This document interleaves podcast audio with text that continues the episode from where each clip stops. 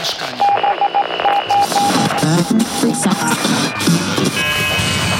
Odsłuch społeczny. Witam Was bardzo serdecznie w kolejnym odcinku Odsłuchu Społecznego. Dzisiaj będę miała zaszczyt porozmawiać z Jackiem Hołubem, autorem reportażu Niegrzeczne o dzieciach oraz rodzinach dzieci z autyzmem, zespołem Aspergera oraz ADHD.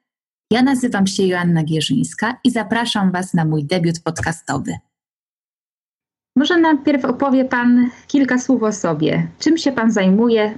Mam 48 lat już w tej chwili. Przez 13 lat byłem dziennikarzem Gazety Wyborczej. Teraz od kilku lat jestem rzecznikiem Towarzystwa Jotelita. To jest organizacja pozarządowa, która wspiera osoby z nieswoistymi chorobami zapalnymi jelit. Ja też choruję na chorobę leśniowskiego krona, więc ten temat jest mi bliski. A od kilku lat piszę książki reporterskie. Jako, że naszym tematem jest Pana książka Autyzm, e, zespół Aspergera, ADHD, jakby Pan to zdefiniował? Czym są te zaburzenia?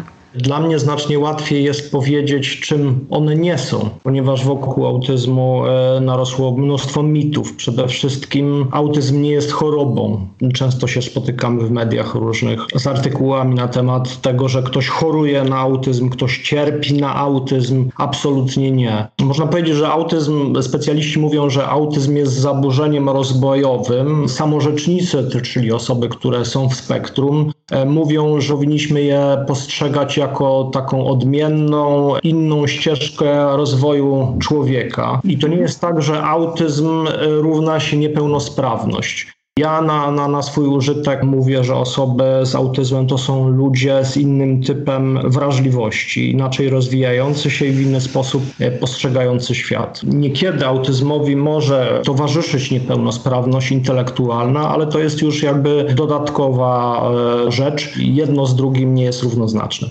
Skąd się wziął u Pana pomysł napisania tej książki? Co było taką inspiracją, żeby zająć się tym tematem? To był chyba drugi krok po pierwszej mojej takiej samodzielnie napisanej książce, która się nazywała Żeby umarło przede mną opowieści matek niepełnosprawnych dzieci, którym e, opisuje codzienność rodziców, a właściwie kobiet, które e, opiekują się swoimi ciężko niepełnosprawnymi dziećmi.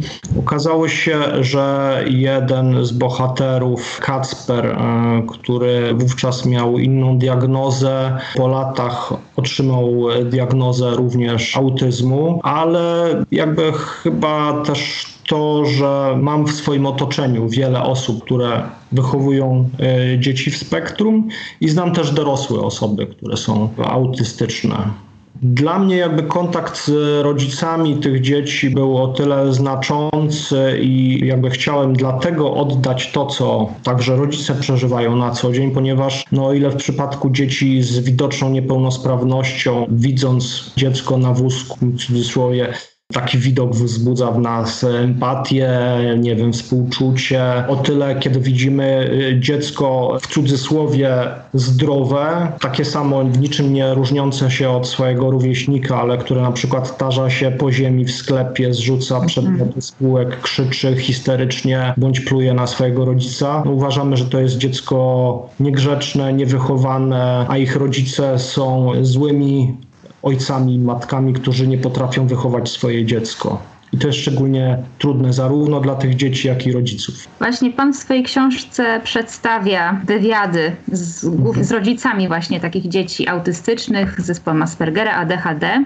Tak. I to, co zwróciło moją uwagę, to to, że w książce przeważają historie opowiadane z perspektywy matek. Czy to jest tak, że ojcowie wstydzą się rozmawiać o zaburzeniach swoich pociech, czy nie chcą się jakoś tym dzielić? To jest tak, że opieka nad dzieckiem i, i, zdrowym też zapewne przeważnie, jakby przeważnie zajmują się tym kobiety, matki. U dziecka ze spektrum autyzmu, które wymaga wyjątkowo dużej ważności, które jest bardzo znacznie bardziej absorbujące co wiąże się często z tym, że matka musi zrezygnować, czy któreś z rodziców musi zrezygnować z pracy zawodowej. W naszej kulturze jest to przyjęte i, i tak je, niestety jest, że faceci zarabiają więcej, że faceci są tymi, którzy, którzy powinni utrzymać rodzinę. Oczywiście to jest jakiś e, zły i krzywdzący stereotyp, a kobiety to są te, które powinny zająć się, się dziećmi i stąd jakby też to, to wycofanie mężczyzn. Z jednej strony oni się wycofują dlatego, że, że zarabiają i pracują, a kobieta zostaje i opiekuje się dzie dzieckiem w domu. Z drugiej strony to jest też tak, że oni się często wycofują, ponieważ nie potrafią udźwignąć psychicznie trudów, które wiążą się opieką bądź wychowaniem nieneurotypowego dziecka. No jest jeszcze trzecia strona, po prostu oni nie chcą o tym rozmawiać. Jest e, w książce pojawia się e, Piotrek z ADHD, z którym ojciec nie chce wychodzić po prostu z domu, wstydzi się pójść do przychodni, do, do gdziekolwiek, ponieważ uważa, że chłopak mu narobi obciachu jednocześnie jego diagnozy, uważa, że to jest e, niewychowany, rozhisteryzowany chłopiec. Tymczasem no, on miał wówczas, w tym czasie, kiedy pracowałem nad książką diagnozy ADHD, później po zakończeniu dowiedziałem się od jego mamy, że do tego doszła jeszcze diagnoza autyzmu. Przeczytałam tą książkę i to, co bardzo też zwróciło moją uwagę, to to, że każda z tych rodzin no, była w jakiś sposób inna, że autyzm nie wybiera tak naprawdę. W każdej rodzinie może się trafić taka diagnoza, gdzie matka była katechetką, czy gdzie była przedsiębiorczynią. Każda z tych historii jest inna, ale też mają pewne punkty wspólne, gdzie głównie jest to brak zrozumienia ze strony i bliskich, i otoczenia. Kiedy pan słucha słuchał tych historii, jakby co Pana najbardziej zaskoczyło w tych historiach? Nie wiem, czy, czy mogę mówić o zaskoczeniu, natomiast jakby taką cechą wspólną tych wszystkich moich rozmówczyń i rozmówców było poczucie braku zrozumienia i poczucie takiej samotności, odepchnięcia przez społeczeństwo. Matki tych dzieci czuły, że są same tym problemem w cudzysłowie, czyli z koniecznością poszukiwania diagnozy, później, jeżeli diagnoza już była, właściwej terapii, zmaganiem się ze szkołą, która była najczęściej dla nich przeżyciem dla nich i dla ich dzieci niestety przeżyciem traumatycznym, czyli poczuciem odepchnięcia przez znajomych, którzy nie chcieli się spotykać z nimi towarzysko, bo dziecko krzyczy, hałasuje, rozrabia, a nawet e, najbliższej rodziny, która albo przestała zapraszać, albo oczekiwała, że chłopiec ośmioletni z ADHD będzie grzecznie siedział przy stole z rączkami ładnie złożonymi i zachowywał się tak jak jego kuzynki, podczas gdy on po prostu nie był w stanie tego zrobić i, i nie powinniśmy tego również wymagać od normalnego oczywiście chłopiec nie jest nienormalny, od neurotypowego dziecka. Nie możemy oczekiwać od niego co, czegoś, co jest niezgodne z jego naturą. Dziecko się bawi, biega, potrzebuje się ruszać, zająć się czymś. Czyli to jest tak naprawdę, jak w sumie w większości chorób, tak jest, że niestety, mimo że zaburzenia występują u dziecka, tak naprawdę cierpi cała rodzina w pewien sposób. Tak, tylko unikajmy tutaj słowa choroba. Kiedy w życiu się pojawia, w poprzedniej książce to było tak, że ja opisywałem sytuację dzieci niepełnosprawnych, nieuleczalnie chorych z wadami genetycznymi. Tutaj mamy e, dzieci z zaburzeniami rozwojowymi, które często nie są niepełnosprawne, ale wymagają z wsparcia po prostu dodatkowego po to, żeby, żeby było im łatwiej, żeby mogły dobrze funkcjonować w społeczeństwie. To jest zawsze problem jakby takiego odtrącenia, odsunięcia i problem ten, że jakby on dotyka całej rodziny, zarówno e, samego dziecka, jak i jego rodziców i, i również rodzeństwa, bo to jest też bardzo ważne. To, z czym, z czym się zmaga, nie wiem, siostra, brat takiego dziecka. Czytając książkę już na sam koniec, y, kiedy przeprowadzał Pan wywiad już z psychologiem, który zajmuje się diagnostyką i terapią, To, co też przykuło moją uwagę, to to, że każde z tych zaburzeń, czy to autyzm, czy ADHD, mają różne, różne jest im oferowana, różny rodzaj wsparcia w zależności od diagnozy. I często po prostu było tam wspomniane, że psychiatrzy naciągają w pewien sposób diagnozę po to tylko, żeby później rodzic, znaczy, że zdarzają się tacy rodzice, którzy po prostu naciągają psychiatrę, żeby stwierdził tą diagnozę. I jak pan sądzi, czy jaka jest w ogóle pana opinia na temat funkcjonowania obecnego systemu diagnostycznego wsparcia? System wsparcia dla e, dzieci z zaburzeniami i dla ich e, najbliższych jest, e, można powiedzieć, że nie istnieje. Jeżeli na wizytę do psychiatry w dobrym, w dużym mieście, takim jak Warszawa, z NFZ-u, a nie każdego stać na to, żeby pójść prywatnie, czeka się rok, a nawet dłużej i ta wizyta jest przekładana na przykład, kiedy jest umówiona na za kilka miesięcy i gdy już rodzina ma iść z dzieckiem do specjalisty, okazuje się, że przykro nam bardzo, ale pan doktor się rozkorował albo już u nas nie pracuje, a kiedy y, następna wizyta, poinformujemy państwa i nie ma telefonu przez miesiąc, dwa, trzy. Takie przypadki się bardzo często zdarzają. Specjalistów psychiatrów dziecięcych nawet prywatnie trudno znaleźć dobrych, a osób, które specjalizują się w spektrum autyzmu jeszcze bardziej, więc tej pomocy nie ma. Osoby, które mieszkają poza dużymi miastami są w rozpaczliwej wręcz ze względu na to, że z jednej strony właśnie nie mają kontaktu, nie mają źródła wiedzy, nie wiedzą, gdzie zaczerpnąć informacji na temat tego, co się dzieje z, z ich dzieckiem. Często lekarze bądź innego rodzaju specjaliści, do których oni się wybierają, nie mają zielonego pojęcia o tym, co się dzieje i ta diagnoza się odwleka i przez to jakby dziecko i, i, i cała rodzina nie otrzymuje w porę odpowiedniego wsparcia. A później często można właśnie gdzieś tam znaleźć niewłaściwych, w cudzysłowie, specjalistów i pojawiają się jakieś terapie, które tak naprawdę nie są wsparciem dla tych dzieci, tylko źródłem traumy, ponieważ są przemocowe, bo próbują wtłoczyć na siłę to dziecko w ramę normalności. W naszym rozumieniu tego słowa. Nie rozumiejąc e, jego inności, jego, jego wrażliwości, tego, że na przykład steamy, czyli to są takie mimowolne czynności, które wykonuje osoba spektrum autyzmu, które mogą nas dziwić, e, szokować. Na przykład dziecko zaczyna chodzić w kółko bądź trzepotać rękoma, próbuje się go tego oduczyć, każe się za to, patrzy się na nie z jakimś zdziwieniem, podczas gdy te, dzięki tym ruchom, tym steamom, no dziecko rozładowuje swoje napięcie, które jest spowodowane na przykład przykład nadmiarem bodźców i, i w ten sposób dziecko pomaga się wyciszyć.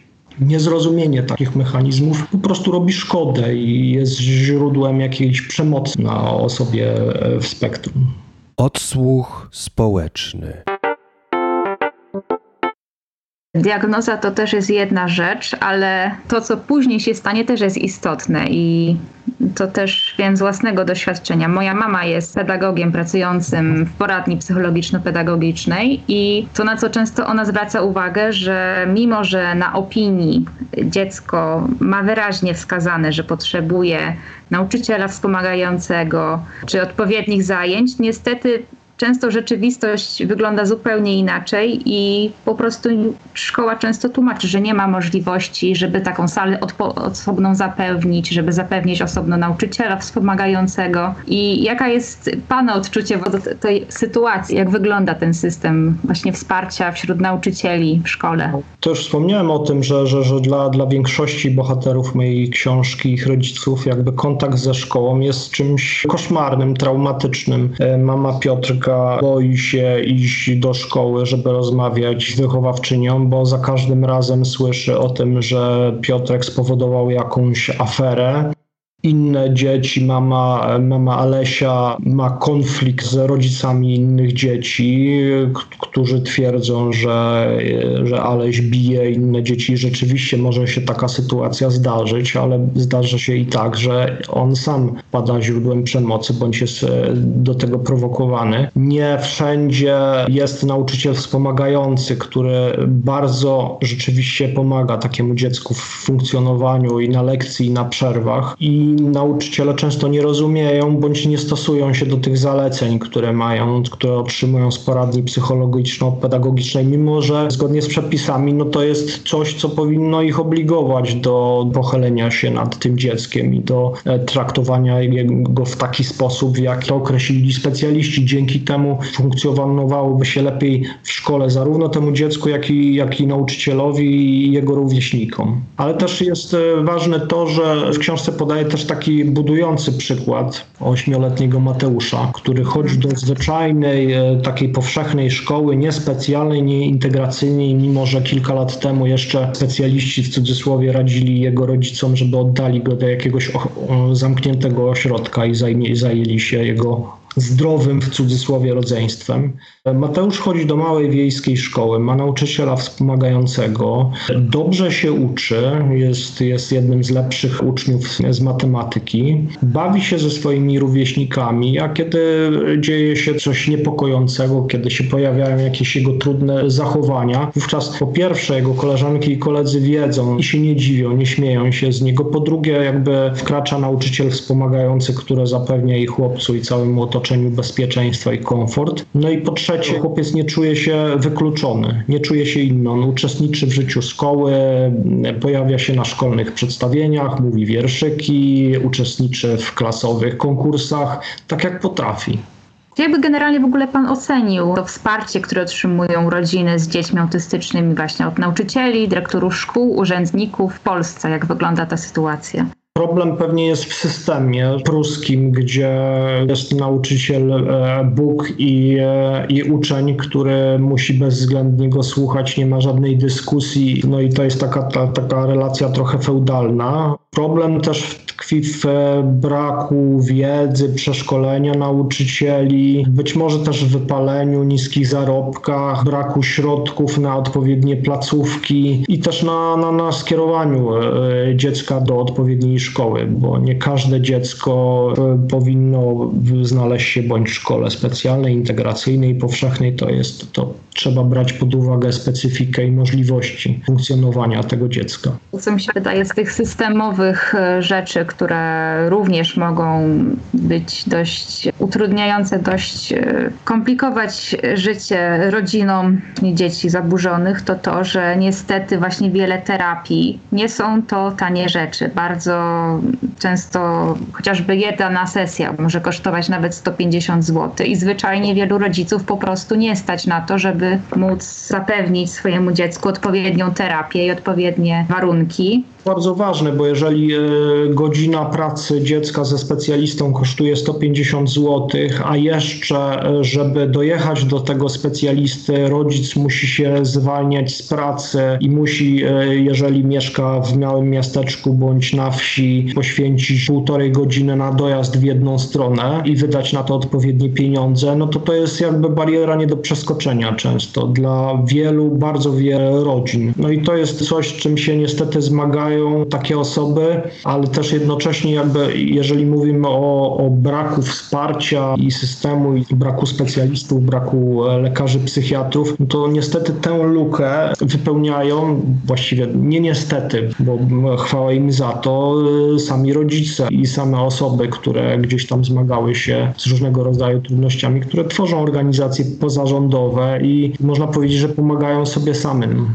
stowarzyszeń, fundacji, instytucji, które wspierają, pomagają w zdiagnozowaniu, a diagnoza na przykład kosztuje, może kosztować 1500 zł, to jest kilka wizyt. Pomagają też w odnalezieniu się w rzeczywistości społecznej e, bądź zawodowej później, kiedy osoba ze spektrum jest już, wychodzi ze szkoły, staje się nastolatkiem i gdzieś znajduje się w społecznej próżni i nie wiadomo co, co ma zrobić, bo żaden pracodawca nie chce go przyjąć.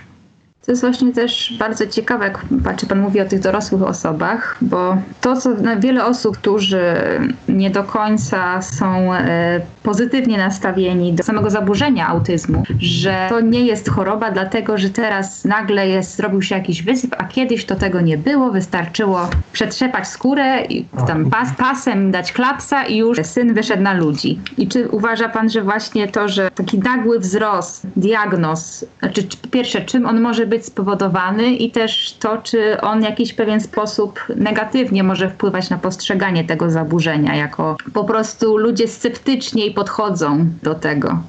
Ja myślę, że po pierwsze, że w XXI wieku mamy już narzędzia do tego, żeby rozpoznać różnego rodzaju trudności, z którymi zmagają się ludzie i do tego, żeby im pomóc. I to nie dotyczy tylko zaburzeń rozwojowych, ale również można powiedzieć, że kiedyś raka nie było, ludzie nie chorowali. Natomiast no, jeżeli padają takie zdania i oczywiście z, z tego typu tekstami rodzice i dzieci i dorośli w spektrum się spotykają, że kiedyś autyzmu nie było, było, że to sobie wymyślili ludzie. Kiedyś to się brał pasa, brał, przekładało przez kolano, tłukło po tyłku i dzieciak był grzeczny. To są jakieś koszmarne, przemocowe opowieści. To są historie, które są źródłem traumy wielu osób z mojego pokolenia, również neurotypowych, które gdzieś były bite przez rodziców i teraz nie mogą sobie z tym dać rad do końca życia, udźwignąć tego psychicznie. Myślę, że, że tego rodzaju rady życzliwych wynikają przede wszystkim z totalnej totalnej niewiedzy i, i, i z braku empatii. Jestem przekonany, że gdyby taka osoba miała w rodzinie bądź urodziłoby jej się dziecko w spektrum autyzmu, to zderzenie z rzeczywistością bardzo brutalnie zweryfikowało jego postrzeganie świata albo po prostu robiło ogromną krzywdę y, swojemu dziecku. Też jeszcze w książce wspomina Pan o wsparciu, jakie powinna otrzymywać rodzina z autystycznym dzieckiem. Jakie to wsparcie? Na pewno u dziecka, no to dziecko dużo czasu spędza w szkole, więc odpowiednie wsparcie ze strony systemu edukacji, ale także takie wsparcie w postaci terapii, która nie powinna być jakimś narzędziem gwałtu na tym dziecku, tylko powinna uwzględniać jego specyfikę i pomagać w funkcjonowaniu z odpowiednim szacunkiem. Pewno też jakieś zrozumienie, empatia najbliższych, bo niekiedy coś, co my postrzegamy jako coś złego, czyli na przykład przykład, że dziecko z zespołem Aspergera na okrągło opowiada o, o metrze i o kolejach i tego typu sprawach. To jest po prostu jego pasja i on to robi całym sobą, a, a w, w przyszłości ta fiksacja przez nas tak postrzegana może stać się jakby dzięki temu może on znaleźć, odnaleźć się na przykład zawodowo, że są osoby w spektrum autystyczne, które są programistami, a można by było im zarzucić rzuci, że kiedyś jako dzieci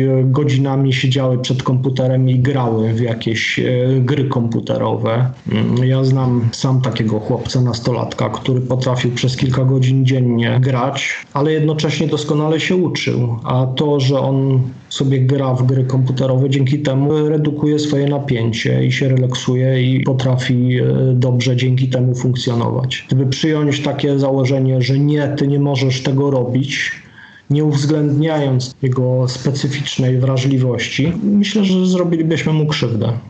Bardzo dziękuję panu za rozmowę.